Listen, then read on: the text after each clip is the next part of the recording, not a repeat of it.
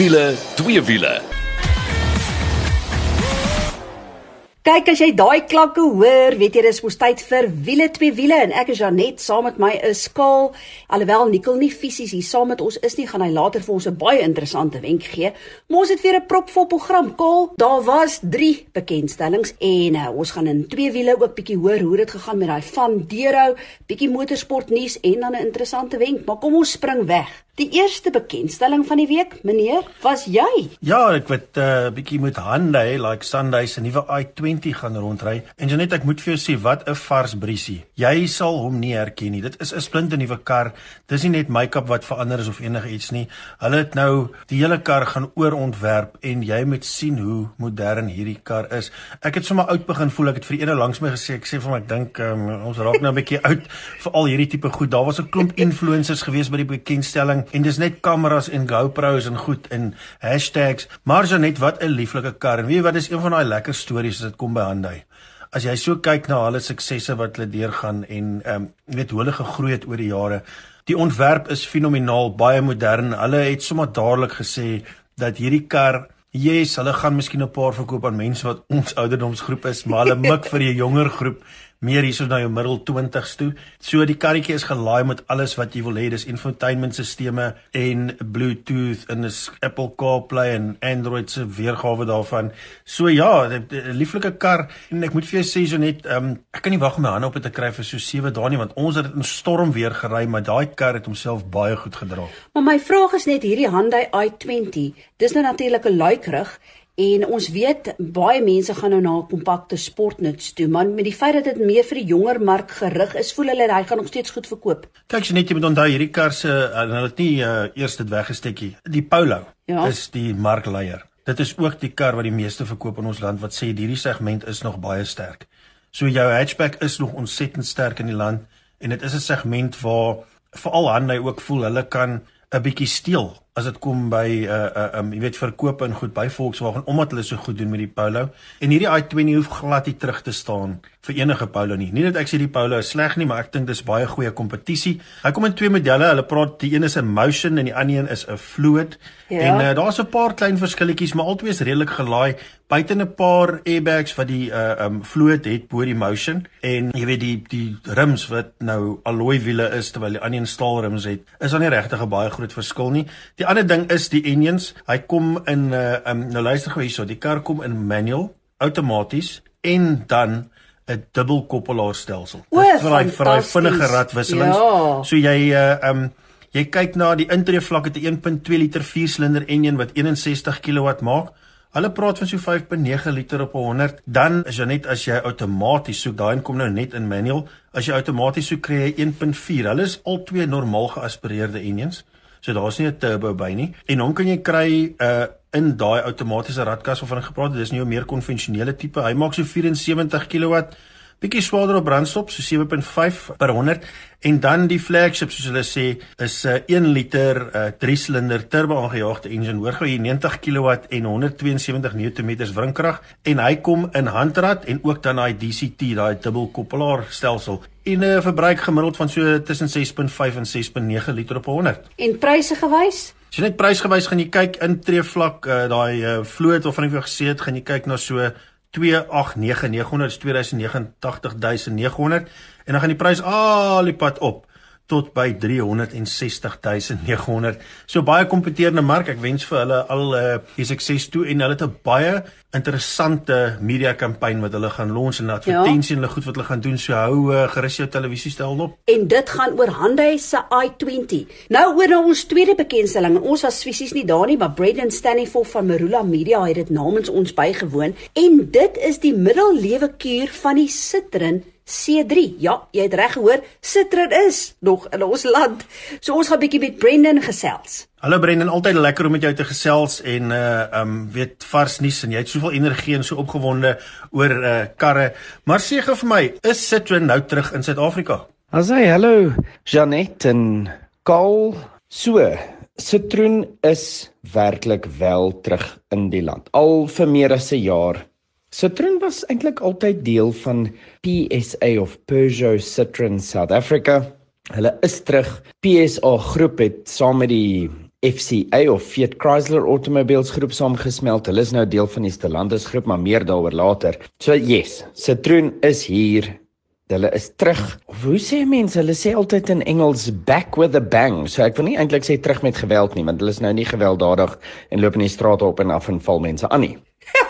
Ja, nee, kyk, um, ons sal maar dit by Engels hou om te sê hulle is terug met 'n bang. Maar nou wil ek vra, wat het dan verander op die Citroen C3? Op die C3 hierdie is wat Janet jy hou daarvan daai woorde middellewe kuur. Hierdie is 'n opknapping van die C3. So dit is nie al 'n nuwe model nie. Hulle het bietjie aan hom gekarring en getorring.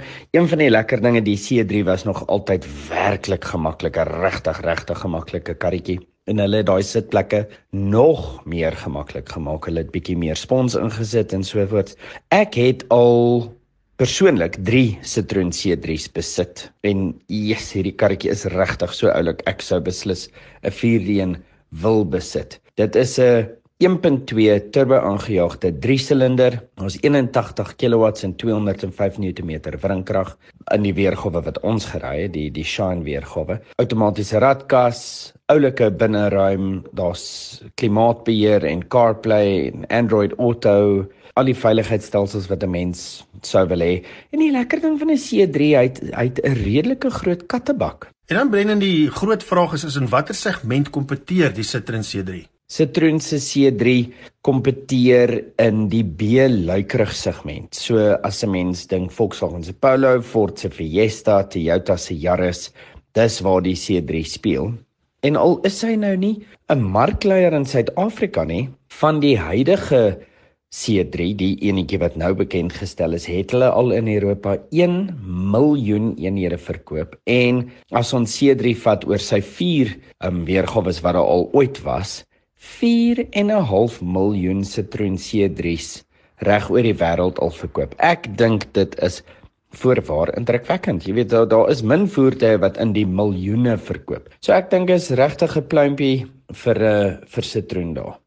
Hoorie Brendan, vertel net eers vir ons. Ek weet Citroen is nou deel van die Stellantis groep, maar vertel ons bietjie meer oor die Stellantis groep. Ja, hierdie Stellantis groep so Leslie Ramsumar is nou die uitvoerende hoof of die managing director of die MD van die Stellantis groep. So in die handelsmerke wat nou onder die Stellantis groep val, is die ou FCA of Fiat Chrysler Automobiles. So in Suid-Afrika is dit Fiat Alfa Jeep en dan Fiat Professional en dis hy. Ja, dis dis die die handelsmerke van die FCA stal en dan die ou PSA of uh, Peugeot Citroen South Africa. Dit is Peugeot en Citroen en dan vorm Opel ook nou deel van hierdie van hierdie handelsmerke. So dit is 'n wêreldwye merger of wat is 'n merger in Afrikaans? 'n Samesmelding van hierdie verskeie fabrikante en groepe die Stellantis Suid-Afrika is 'n volfiliaal van Stellantis wêreldwyd. Stellantis is dan nou die 4de grootste motorgroep in die wêreld en hulle het so 400 000 mense in diens. Plaaslik hier in Suid-Afrika wat ons al gesien het uit die Stellantis stal uitkom in die afgelope hele klompie maande. Ek, ek sal sê so 'n jaar. Maar is voorwaar opwindende dinge aan die gang daar. Die modelle is regtig fantasties. Die karre is mooi. Die mense met wie ons kontak het, Leslie Sutton is die PR en Leslie Ramsumar is die is die uitvoerende hoof, Brian, hulle verkope direkteur. Hierdie ouens is ag die die energie is regtig fantasties. So ek gee hulle 'n high five en ek sien uit na hulle toekomstige produkte.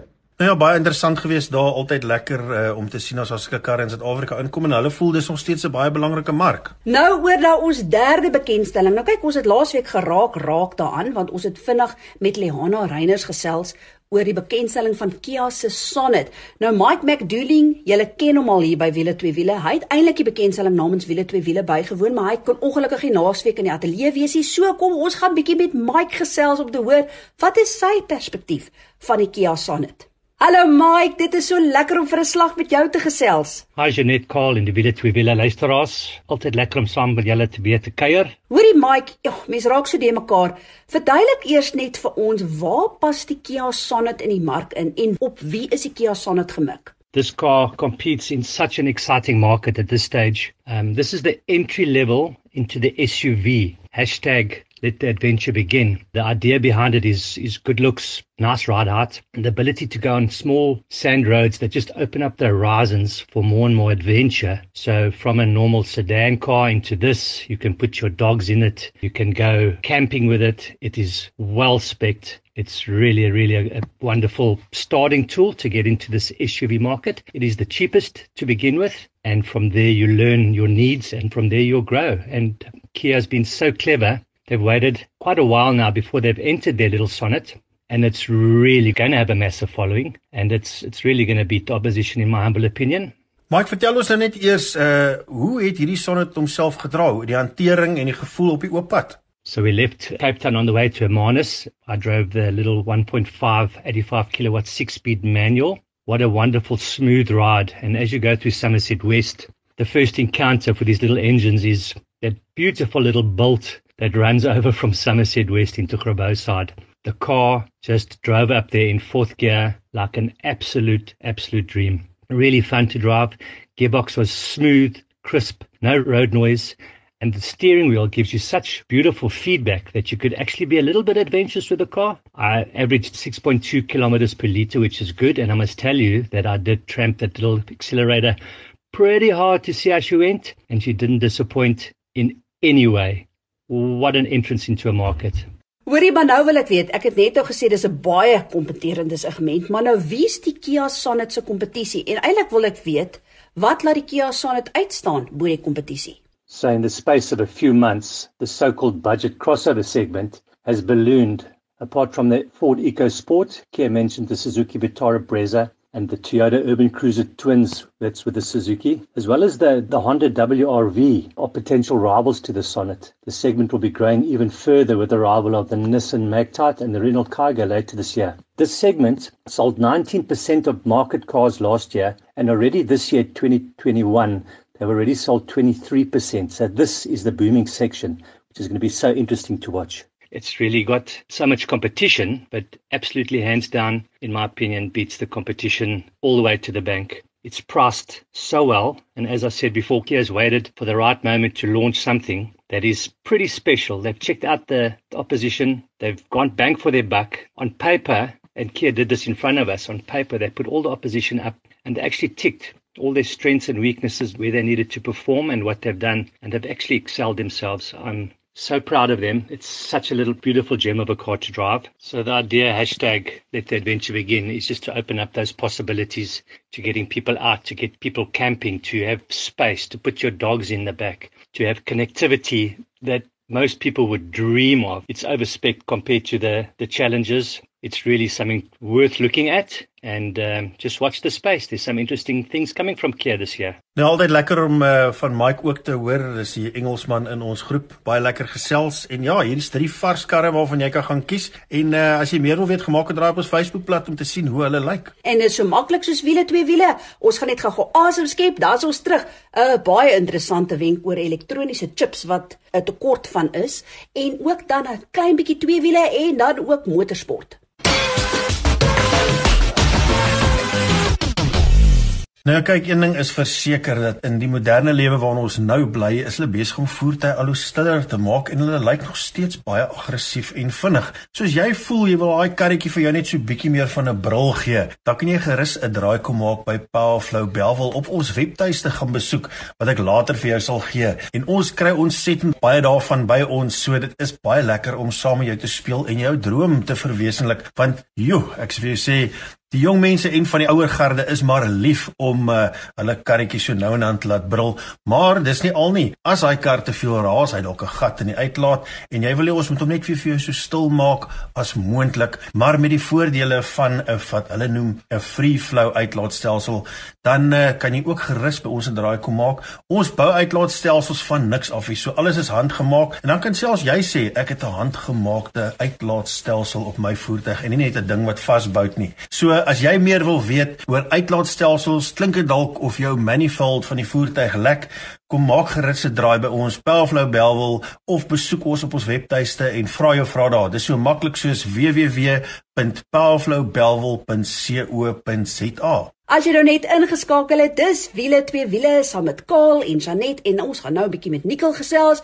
Ons gaan met Nikki Marie gesels oor die van en deure vir twee wiele en daar's lekker veldren motorsport aksie nuus ook. Maar kom ons spring weg. Ons almal weet wat se uitdagings COVID vir ons gebring het en uh, dit lyk my daar's 'n groot tekort aan elektroniese chips in die wêreld wat die motorindustrie in hulle voertuie gebruik en uh, dit veroorsaak dat baie van die topmodel voertuie tans nie beskikbaar is nie. Ja, so Nikkel, wat ek graag by jou wil weet is wat is hierdie chips waarvan hulle praat? Dis duidelik die chips wat ons eet nie. Vertel ons net bietjie meer. Genet hierdie chips waarvan hulle praat, se regte naam is eintlik 'n halfgeleier of in Engels 'n semiconductor en dis 'n elektroniese komponent wat gebruik word in elektroniese beheereenhede en dit is nou van in selfone van jou PlayStations tot dan in die motorwese se elektroniese beheereenhede wat dan help met die berekening en so aan. Hierdie chips bestaan meestal uit silikon uit en uh, dit laat die elektrisiteit of deurgaan of nie en daardeur kan hulle dan berekeninge en so aan doen in hierdie elektroniese beheereenheid. So hierdie semiconductors is dan natuurlik uiters belangrik vir hierdie elektroniese beheereenhede om te kan funksioneer. Nikom, maar hoekom is daar nou 'n tekort aan hierdie chips in die wêreld? Kaal, net dis 'n samekoms van omstandighede wat dit veroorsaak het. Daar is net 'n paar fabrieke in die wêreld wat natuurlik groot maak hierdie semikonduktors vervaardig. Ehm um, die een is NXP in Texas en uh, aan die begin van die jaar was daar so verskriklike koue front en storm daar dat die fabriek moes toemaak vir 'n lang ruk. Dit het nie gehelp nie. En dan is daar Renesas in Japan wat 'n brand gehad het en daai fabriek kon toe ook nie van hierdie chips vervaardig nie. En wat ook nou gebeur is na die inperkings en goed wat nou bietjie begin gelig word in die wêreld, is daar ewe skielik 'n groot aanvraag weer aan nuwe karre. Die mense wil nou weer karre koop en al hierdie omstandighede saam maak dat daar net te min van hierdie komponente is om van hierdie topmodel voertuie te kan bou en te kan verkoop en daarom het tekort. Maar Nicole, nou wil ek weet wat presies doen hierdie elektroniese chips dan in 'n voertuig? En die groot vraag is eintlik hoekom veroorsaak hierdie elektroniese chips dan dat sekere voertuie nie nou beskikbaar is nie? En ek dink ook belangrik dat ons as verbruiker weet, is gee vir ons voorbeelde van watter voertuie word geraak nou hierdeur. So net so hierdie elektroniese eenhede of hierdie chips waarvan hulle praat, word dan meestal gebruik in al die veiligheidsstelsels wat deesdae op karre is. Kyk, ons weet nou van die radars en die kameras en ehm um, hierdie wat 'n voertuig self kan rem, daar wat hy binne in die baan bly vir jou en so al hierdie stelsels gebruik beheereenhede en baie van hierdie chips vorm 'n integrale deel van hierdie beheereenhede. So die voertuie waar die topmodelle al hierdie stelsels in het, daar's 'n goeie kans dat dit nie nou beskikbaar is soos wat jy handelaar toe gaan nie of 'n baie lang waglys gaan hê.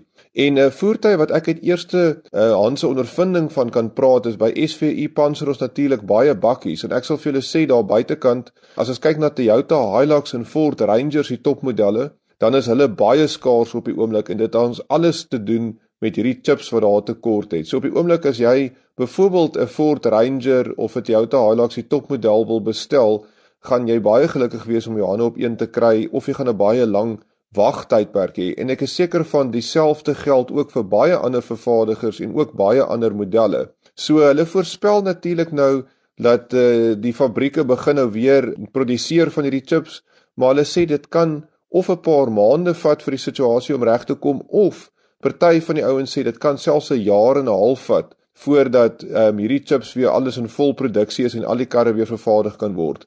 So kan jy glo dat 'n klein mikroskyfie elektroniese komponent kan nou maak dat daar 'n tekort aan die topmodel karre in die wêreld is. Nou ja, toe daar het jy dit nou as jy nou kwaad is omdat jy nie jou gunsteling kar in die hande kan kry en daar is 'n goeie rede daarvoor. Baie dankie Nicole.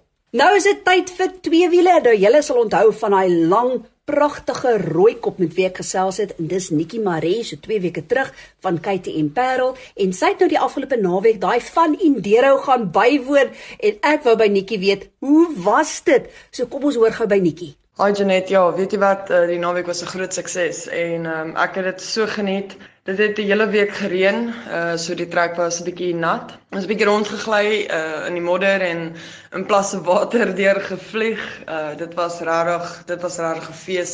Ek wil net baie dankie sê aan almal wat dit moontlik gemaak het en almal wat uh, deelgeneem het daai dag en dankie vir die ondersteuning. Dankie dat ons um mense op die op die baan kan kry wat wat nooit gedink het hulle sou dit kan doen nie. En ewen diegene wat daar was wat absoluut uh hulle was pros. Daar's daar's geen ander woord daarvoor nie. Hulle was soos um experts. Ek het teen hulle almal gery en hulle het my absoluut weggery maar dit was dit was vet pret en um dit was my eerste maar definitief nie my laaste nie ek moet bysê dat um daar was nie genoeg vrouens daar gewees nie. Daar was meestal net mans. Ek sal like dat ehm um, ons volgende event sal 'n uh, groter turnover wees vir female riders en ehm um, in die vervolg moet uh, novices nie nie bang wees om deel te neem nie. Ek het deel geneem en ek het ek het absoluut jare se pret gehad en uh, ek ek wil definitief weer op 'n op 'n offroad klim en ehm um, net meer oefen, oefen, oefen, oefen. Dis al wat uh, dis al wat jy kan doen.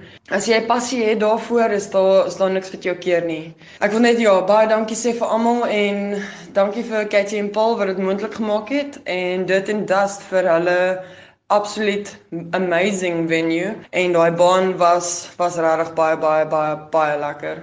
Nou toe as ek nou vir jou een ding kan sê en dames, ek hoop julle het hele ore gespits.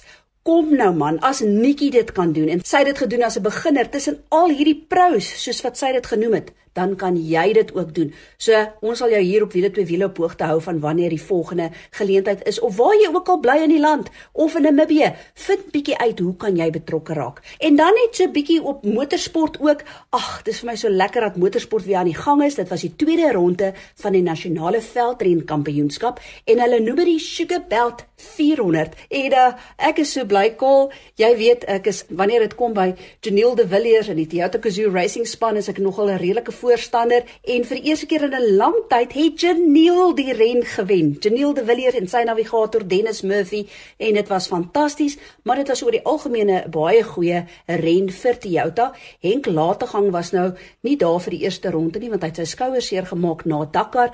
Hy was weer terug. Hy het voorgeloop, maar weet wat, moenie dat ek die storie vertel nie. Kom ons gaan hoor gou by spanbaas van Toyota Gazoo Racing Suid-Afrika, Glen Hall, laat hy vir ons vertel hoe dit gegaan by die Sugarbelt 400.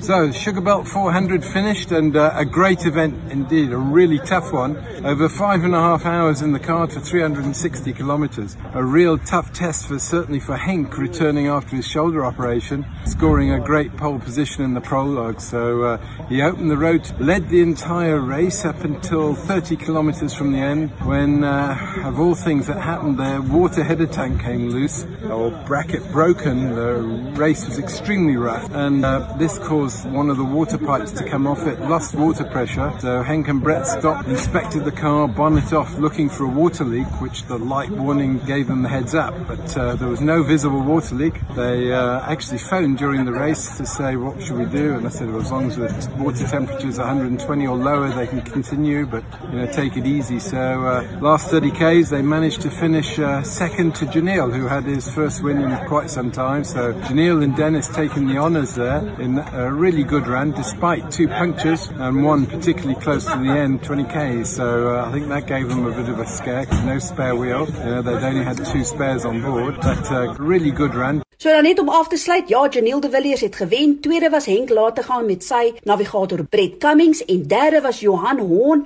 en Werner Hoorn van Malalaan Toyota. Maar net interessant ook vierde wat ook derde in daai kategorie was van die FIA was Century Racing se CR6 met Brian Baragwanath en Lennard Kramer. So ons sien uit na die derde ronde. Ja, dit was 'n lekker propvol program gewees, so lekker om saam met jou te kuier. Volgende week maak ons weer so, maar tot dan. Hou jou wiele aan die rol.